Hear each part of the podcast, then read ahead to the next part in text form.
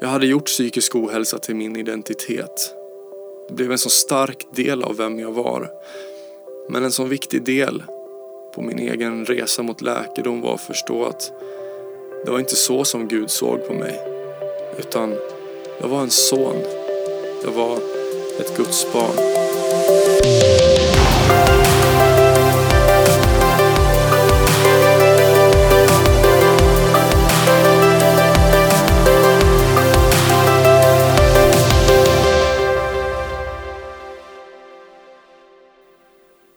Var en dag 2018 och jag satt i bilen utanför ICA i Huskvarna och jag var förtvivlad. Jag var i en djup svacka av stress och ångest. Eh, så passade jag knappt. Jag klarade knappt av att gå in i en matbutik. Så fort jag kom in så fick jag i princip panik. Av ljuset, av människor, att försöka hitta en vara. Jag kände mig instängd och jag tror att jag skulle kaskadspy någonstans bland mejerivarorna. Och nu satt jag ute i bilen, alldeles förtvivlad. Och jag, jag kände mig så otroligt dålig. Hallå, jag är liksom en vuxen man, jag är 29 år. Och jag kan inte ens gå in i en matbutik. Jag har ju liksom rest runt i Indien. Jag har eh, suttit hemma hos syriska flyktingar nere vid gränsen till Syrien. Och nu kunde jag inte ens gå på ICA själv. Och jag grät och jag slog på ratten och ropade fysiskt ut min förtvivlan. Alltså Gud, det kändes som om jag gick omkring i en oändlig labyrint utan att hitta ut. Varför kan jag inte få må bra bara? Och varför kan du Gud inte bara ta mig ur det här, den här fruktansvärda labyrinten som det känns som att det inte finns något slut? Men då hörde jag Gud tala. Vi har hört Gud tala många gånger men den här gången så var en sån där gång där man vet att man vet att man vet att det är Gud som talar. Jag hörde tydligt vad han sa Eddie, jag vill inte plocka ur dig men jag vill ge dig nycklarna till hur du hittar ut. Och där mötte Gud verkligen mig och jag fick ett helt nytt perspektiv på min psykiska ohälsa. Jag tog det nästan som en spännande utmaning. Tänk om Gud kan använda mig och min situation för att hjälpa andra ut ur psykisk ohälsa. Och där jag började min egen resa mot ett liv i frihet. Och Gud gjorde som han lovade. Han gav mig nycklar. Nycklar som gjorde att jag till slut hittade ut. Så vem är jag då? Jag heter Eddie Stigson, jag är 32 år gammal och jag är gift med Carolina sedan åtta år. Och jag är pappa till lilla Lola som är ett och ett halvt år. Eh, och jag är pastor i en kyrka som heter House of Life här i Jönköping slash Huskvarna. En liten men väldigt eh, kreativ kyrka och jag är tacksam över att få vara pastor där. Så under tio års tid, alltså från det att jag var 20 tills det att jag var 30 ungefär, så brottades jag med olika typer av ångestproblem och stress och rädslor, hypokondri, jag var, jag var livrädd för att bli sjuk och dö. Osäkerhet, panikångest. Ibland var det bättre och ibland var det, var det sämre. Ibland så märktes det inte så jättemycket men ibland så var det fruktansvärt jobbigt. Men jag låg liksom hela tiden under det här epitetet att jag var en kille som kämpade med det vi kallar för psykisk ohälsa. Men så kom jag då alltså till en punkt där Gud fick leda mig ur det. Inte alls så att liksom livet nu är helt perfekt. För livet kan vara jättejobbigt ibland. Och vi alla har dåliga dagar vare sig vi kämpar med psykisk ohälsa eller inte. Eh, och vare sig vi vill eller inte genom livet kommer vi uppleva stress och vi kommer uppleva ångest ibland och sånt liksom är en del av livet. Men jag känner att jag fick komma ur en bubbla. Eh, en, liksom en bubbla av psykiskt mörker där allting kretsar kring min egen ångest. Och den här, i den här podden idag så vill jag bara dela några saker som fick bli min vändpunkt. Några saker som jag ber ska få bli en vändpunkt för dig. Uh, och jag säger inte att det är lösningen på all psykisk ohälsa i hela världen. Uh, och jag, jag, säger liksom inget lättvindigt bara så här, ah, det är bara tro mer så blir allting bra. Det är liksom inga ett, två, tre lösningar. Det är liksom inte alltid det är en massa vetenskapliga bevis bakom men det är självupplevt, det är min erfarenhet. Eh, jag säger inte att den ger exakt hela bilden eller att den är komplett. Men eh, och jag har respekt för dig och din situation. Och din situation kanske är oerhört komplex och svår. Och därför så vill jag inte säga liksom att ja, gör det här så blir du frisk. Eh, för att det kan vara mycket komplic mer komplicerat än så. Men om det här som jag delar kan få ge dig någon nyckel på din egen resa mot frihet så skulle jag bli gladast i världen. Så Gud mötte mig och han gav mig nycklar. Om jag skulle sammanfatta dessa nycklar eh, och min väg till frihet så är det utifrån tre saker. Och det är det var kunskapen om hur jag som människa är skapad och det var förståelsen för vad som är mitt och vad som är Guds ansvar och vem jag är i Kristus och hur Gud ser på mig. Så låt mig få prata lite om kunskapen om hur jag är skapad. Så så här i första Moseboken 1 och vers 26. Gud sa Låt oss göra människor till vår avbild lika oss. De ska råda över havets fiskar och himlens fåglar, över boskapsdjuren och hela jorden och alla kräldjur som rör sig på jorden. Och Gud skapade människan till sin avbild. Till Guds avbild skapade han henne och till man och kvinna skapade han dem. Ett väldigt viktigt steg för mig i min egen resa var att fylla mig med kunskap om hur jag är skapad och hur min kropp fungerar. Bara en sån sak som att förstå till exempel vad som händer i kroppen då när jag upplever en ångestattack. Bara den lilla detaljen gjorde att ångesten inte alls blev lika otäck att uppleva eh, när, jag, när jag visste att det fanns en fysisk förklaring till det som jag upplevde. Men framförallt så har det handlat om att förstå att jag är skapad utifrån tre väldigt viktiga ord. Tre ord som är ande, själ och kropp. Och du har, du har kanske hört de orden förut och kanske inte lagt så mycket vikt vid dem men de är otroligt viktiga för de ger oss egentligen hela bilden av hur du och jag funkar. Hur människan funkar vare sig man är troende eller inte så är vi skapade utifrån de här tre stycken begreppen. Hela vårt liv är liksom byggt utifrån dessa tre beståndsdelar. Och om du lär känna de här tre beståndsdelarna som du liksom lever i så, och vet vilka behov dessa tre beståndsdelar har så kommer du lättare att förstå både varför du mår dåligt men också kunna förstå hur du ska må bättre. Du och jag består av ande. Du och jag är skapade av Guds, eh, vi är skapade av Gud till gemenskap med honom. Och när Gud skapar människan så blåser han in sin livsande i människan. Vi lever i en andlig dimension där vi både möter Guds heliga närvaro men där vi också kan uppleva andligt och övernaturligt mörker. Vi kan uppleva frihet och glädje i den heliga Ande. Och vi kan uppleva den enorma glädjen av att till exempel känna sig förlåten och ren från sin synd. Men vi kan också känna av mörker, ångest och betryck på grund av andligt, eh, andlig närvaro och en demonisk verklighet. Och du och jag är skapade med själ. Det som är ditt inre, din tankevärld, dina minnen, dina erfarenheter, ditt känsloliv, din personlighet. Vi kan uppleva enorma känslor av glädje och lycka och eufori Eh, av saker som vi ser och upplever runt omkring oss. Till exempel att bli kär, förälskad eller att vara ute i naturen eller äta sjukt god mat. Men vi kan också uppleva psykisk ohälsa som är kopplad till svåra minnen och erfarenheter som ligger som sår djupt begravda i våran själ. Eller vi kan må psykiskt dåligt när vi väljer att släppa in saker genom vårt eh, själsliga fönster. Sånt som vi tittar på, lyssnar på eller läser som liksom ger oss negativa och mörka känslor. Och sen det som kanske känns minst abstrakt, vår kropp. Att Gud formade oss till fysiska varelser, till Guds avbild.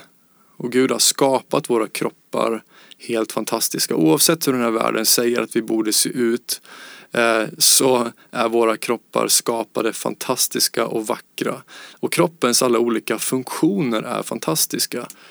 Vi kan uppleva eufori och enorma endorfinkickar av att liksom spela innebandy eller dansa hiphop tills blodsmaken sprutar i munnen. Men vi kan också må jättedåligt av att sitta med ansiktet i telefonen massa timmar om dagen. Få alldeles för lite sömn eller liksom hinka i sig litevis av energidryck och kaffe. Så det här är liksom hur du är. Du är, du är skapad utifrån dessa tre grunddelar. De utgör liksom våra mest grundläggande behov. Och jag, jag tror så här att det är när de här tre delarna är i synk med varandra som vi mår bra. Det kanske är den viktigaste förståelsen för mig. För, för jag levde inte mitt liv som om jag bestod av tre delar utan jag levde utifrån att det var främst en av dem som var viktig. Och de andra liksom fick alltid komma i andra och tredje hand. För jag levde nämligen med uppfattningen att all min psykiska ohälsa bara var andlig. Att allt var ett andligt krig, att allt var djävulen och jag kämpade febrilt med att försöka by ut alla demoner som fanns runt omkring mig. Lösningen blev på något sätt att be mer, be mer intensivt, läsa bibeln mer och på ett sätt som att jag skulle prestera fram ett andligt helande. Och jag var frustrerad för det kändes som att, liksom, var är Gud någonstans? Gud gjorde ingenting. Vart var han någonstans nu då? Det var så här jag höll på att kämpa och jag kämpade så här tills den dagen då Gud började tala till mig. Och också genom den terapeuten som jag hade börjat gå till. Jag började förstå att min psykiska ohälsa inte bara hade andliga perspektiv. Eller att det var en andlig attack utan jag förstod att den också hade själsliga och fysiska aspekter. Jag började förstå att min själ har ju djupa sår efter många, många år av mobbning under hela låg och mellanstadiet. Att min pappa var dödssjuk när jag var små. Att min mamma haft en cancertumör i sin mage. Och att min lillebror eh, utreddes för leukemi och var jättesjuk och åkte in och ut på sjukhus. Liksom hela min hjärna liksom skapat eh, känslor av katastrof. Och det här i kombination med att jag inte tog hand om mig alls rent fysiskt. Jag rörde inte på mig. Jag hade jättedålig kondition. Eh, och jag gjorde som så många andra. Jag låg med telefonen i sängen till långt in på nätterna alldeles för sent och scrollade och scrollade och scrollade bild efter bild efter bild. Jag började 8.30 på morgonen men jag gick inte upp förrän fem minuter innan jobbet. Och då hade jag kanske liksom legat en timme och återigen scrollat, scrollat, scrollat igenom massor av skit och bilder som min hjärna skulle försöka processa innan den ens hade hunnit vakna. Så en huvudsaklig del i mitt eget helande handlar om att se att ande, själ och kropp behövde hamna i balans med varandra. Att de hamnade i en harmoni, att de spelade ett ackord, att det inte var någon av dem som på det sättet var viktigare än den andra.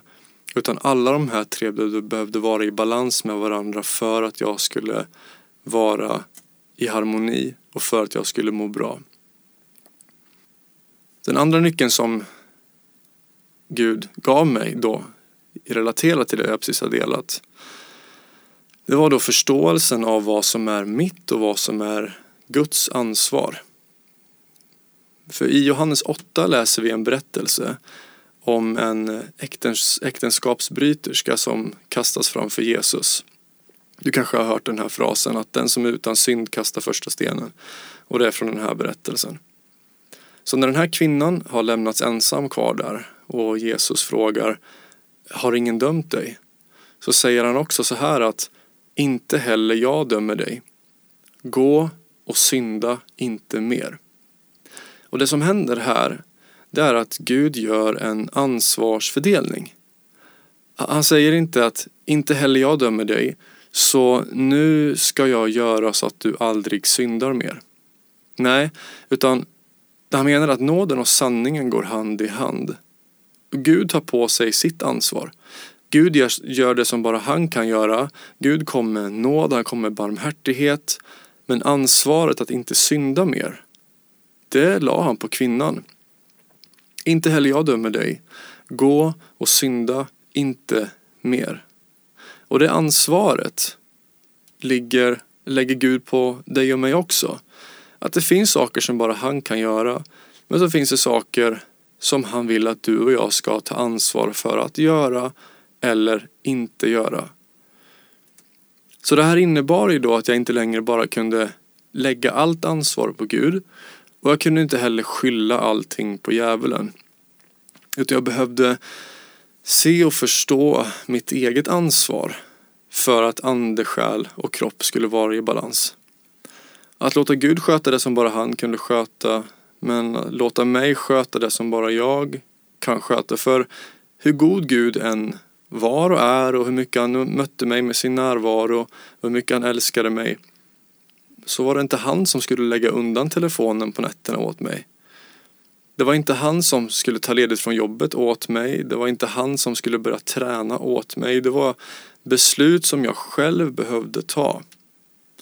Och jag började göra livsval som jag visste var bra för mig. Även om det inte var roligt. För det här krävde disciplin. Det krävde ansvarskänsla. Och jag valde att göra saker som jag visste var bra även om jag inte kände alls för att göra det. Men jag vill också betona att det här inte handlar om prestation.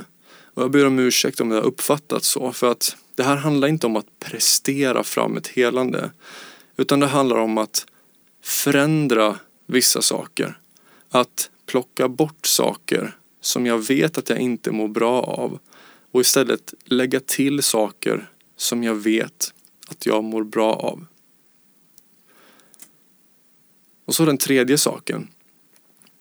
Det var sanningen om vem jag är i Kristus.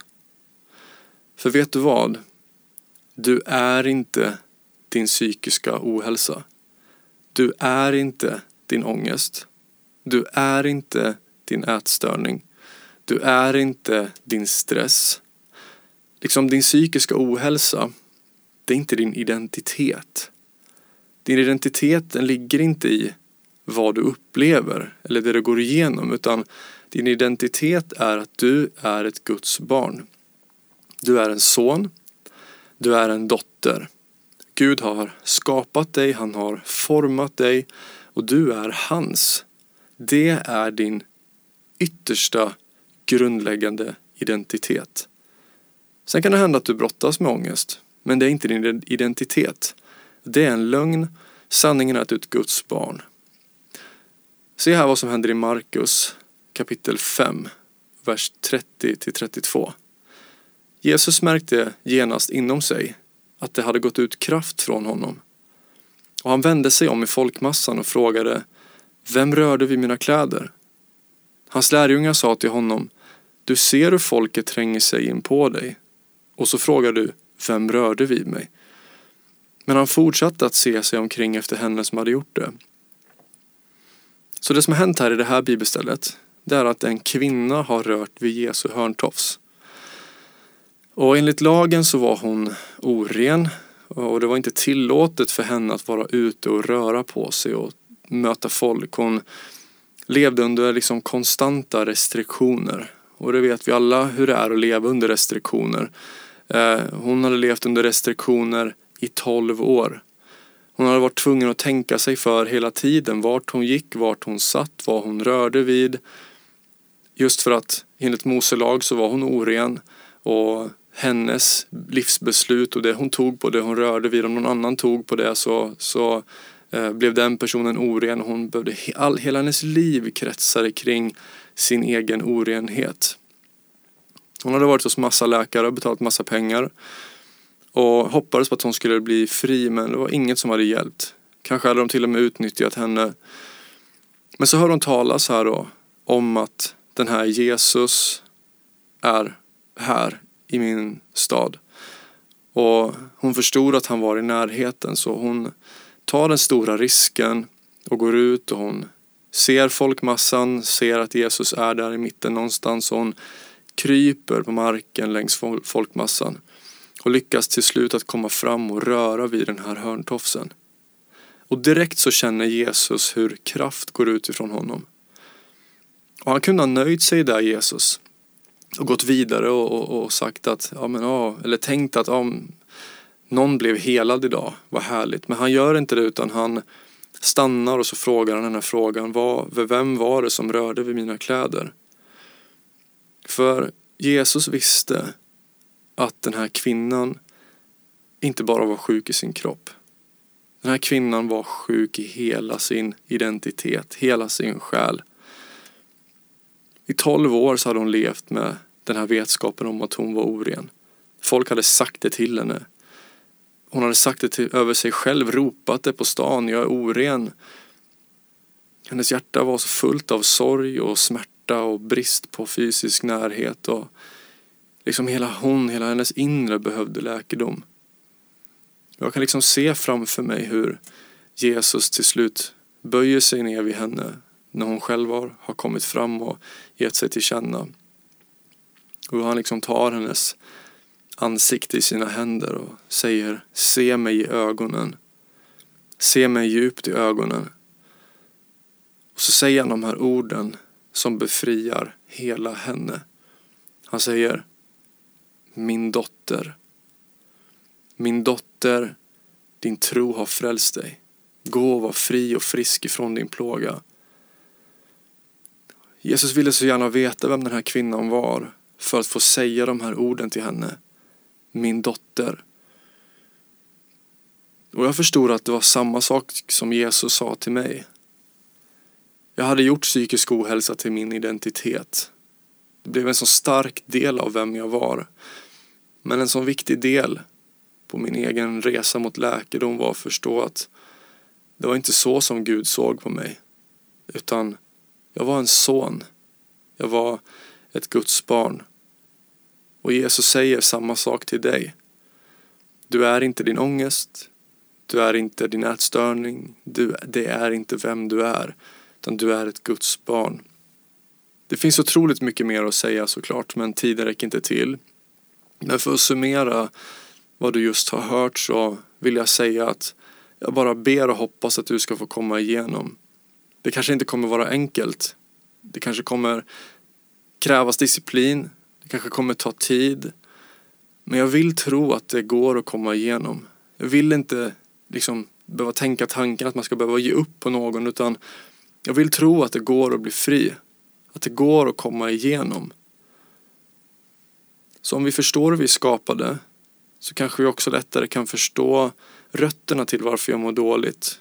Och om jag förstår vad mina rötter är till varför jag mår dåligt så kanske jag också kan förstå hur jag kan kapa de där rötterna som håller mig bunden så att jag kan börja vandra mot frihet. För Gud är verklig och han kommer med sin närvaro, sin nåd och sin kraft och tar på så sätt ansvar för det som är hans ansvar men han vill också att vi ska ta ansvar och förändra det som vi kan förändra. Till exempel om, om våra livsstilar nu gör oss sjuka. Men framförallt är det viktigaste av allt är att du är inte vad du går igenom. Du är inte psykisk ohälsa. Du är ett Guds barn. Jag vill avsluta med att läsa några verser ur psalm 139. Du får gärna blunda, andas djupt och ta till dig de här orden. En psalm av David. Herre, du ransakar mig och du känner mig. Om jag sitter eller står vet du det. Du förstår mina tankar fjärran ifrån. Om jag går eller ligger så ser du det. Med alla mina vägar är du förtrogen. Innan ordet är på min tunga vet du, Herre, allt om det. Du omsluter mig på alla sidor och du håller mig i din hand. Den kunskapen är för underbar för mig. Vart kan jag gå för din ande? Vart kan jag fly för ditt ansikte? Stiger jag upp till himmelen, då är du där. Bäddar jag åt mig i dödsriket, ja då är du där. Tar jag morgonrodnadens vingar och gör jag mig en boning ytterst i havet ska också där din hand leda mig och din högra hand hålla mig. Säger jag, låt mörker täcka mig och låt ljuset bli natt omkring mig, så är inte mörkret mörkt för dig. Natten lyser som dagen och mörkret är som ljuset. Du har skapat mina njurar. Du vävde mig i moderlivet. Och jag tackar dig för att jag är så underbart skapad. Underbara är dina verk. Min själ vet det så väl. Benen i min kropp var inte osynliga för dig när jag formades i det fördolda, när jag bildades i jordens djup. Dina ögon såg mig när jag bara var ett foster. Alla mina dagar blev skrivna i din bok, formade innan någon av dem hade kommit. Hur ofattbara är inte dina tankar för mig, Gud? Och hur väldig är inte deras mångfald? Räknar jag dem är de fler än sandkornen. När jag vaknar, då är jag kvar hos dig.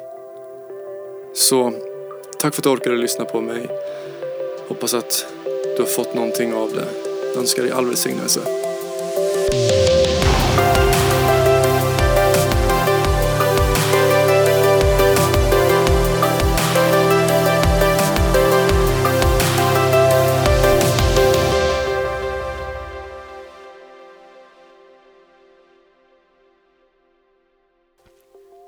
Precis lyssnat på vår podcast som heter Ellen och Emily ärligt sant och lite galet.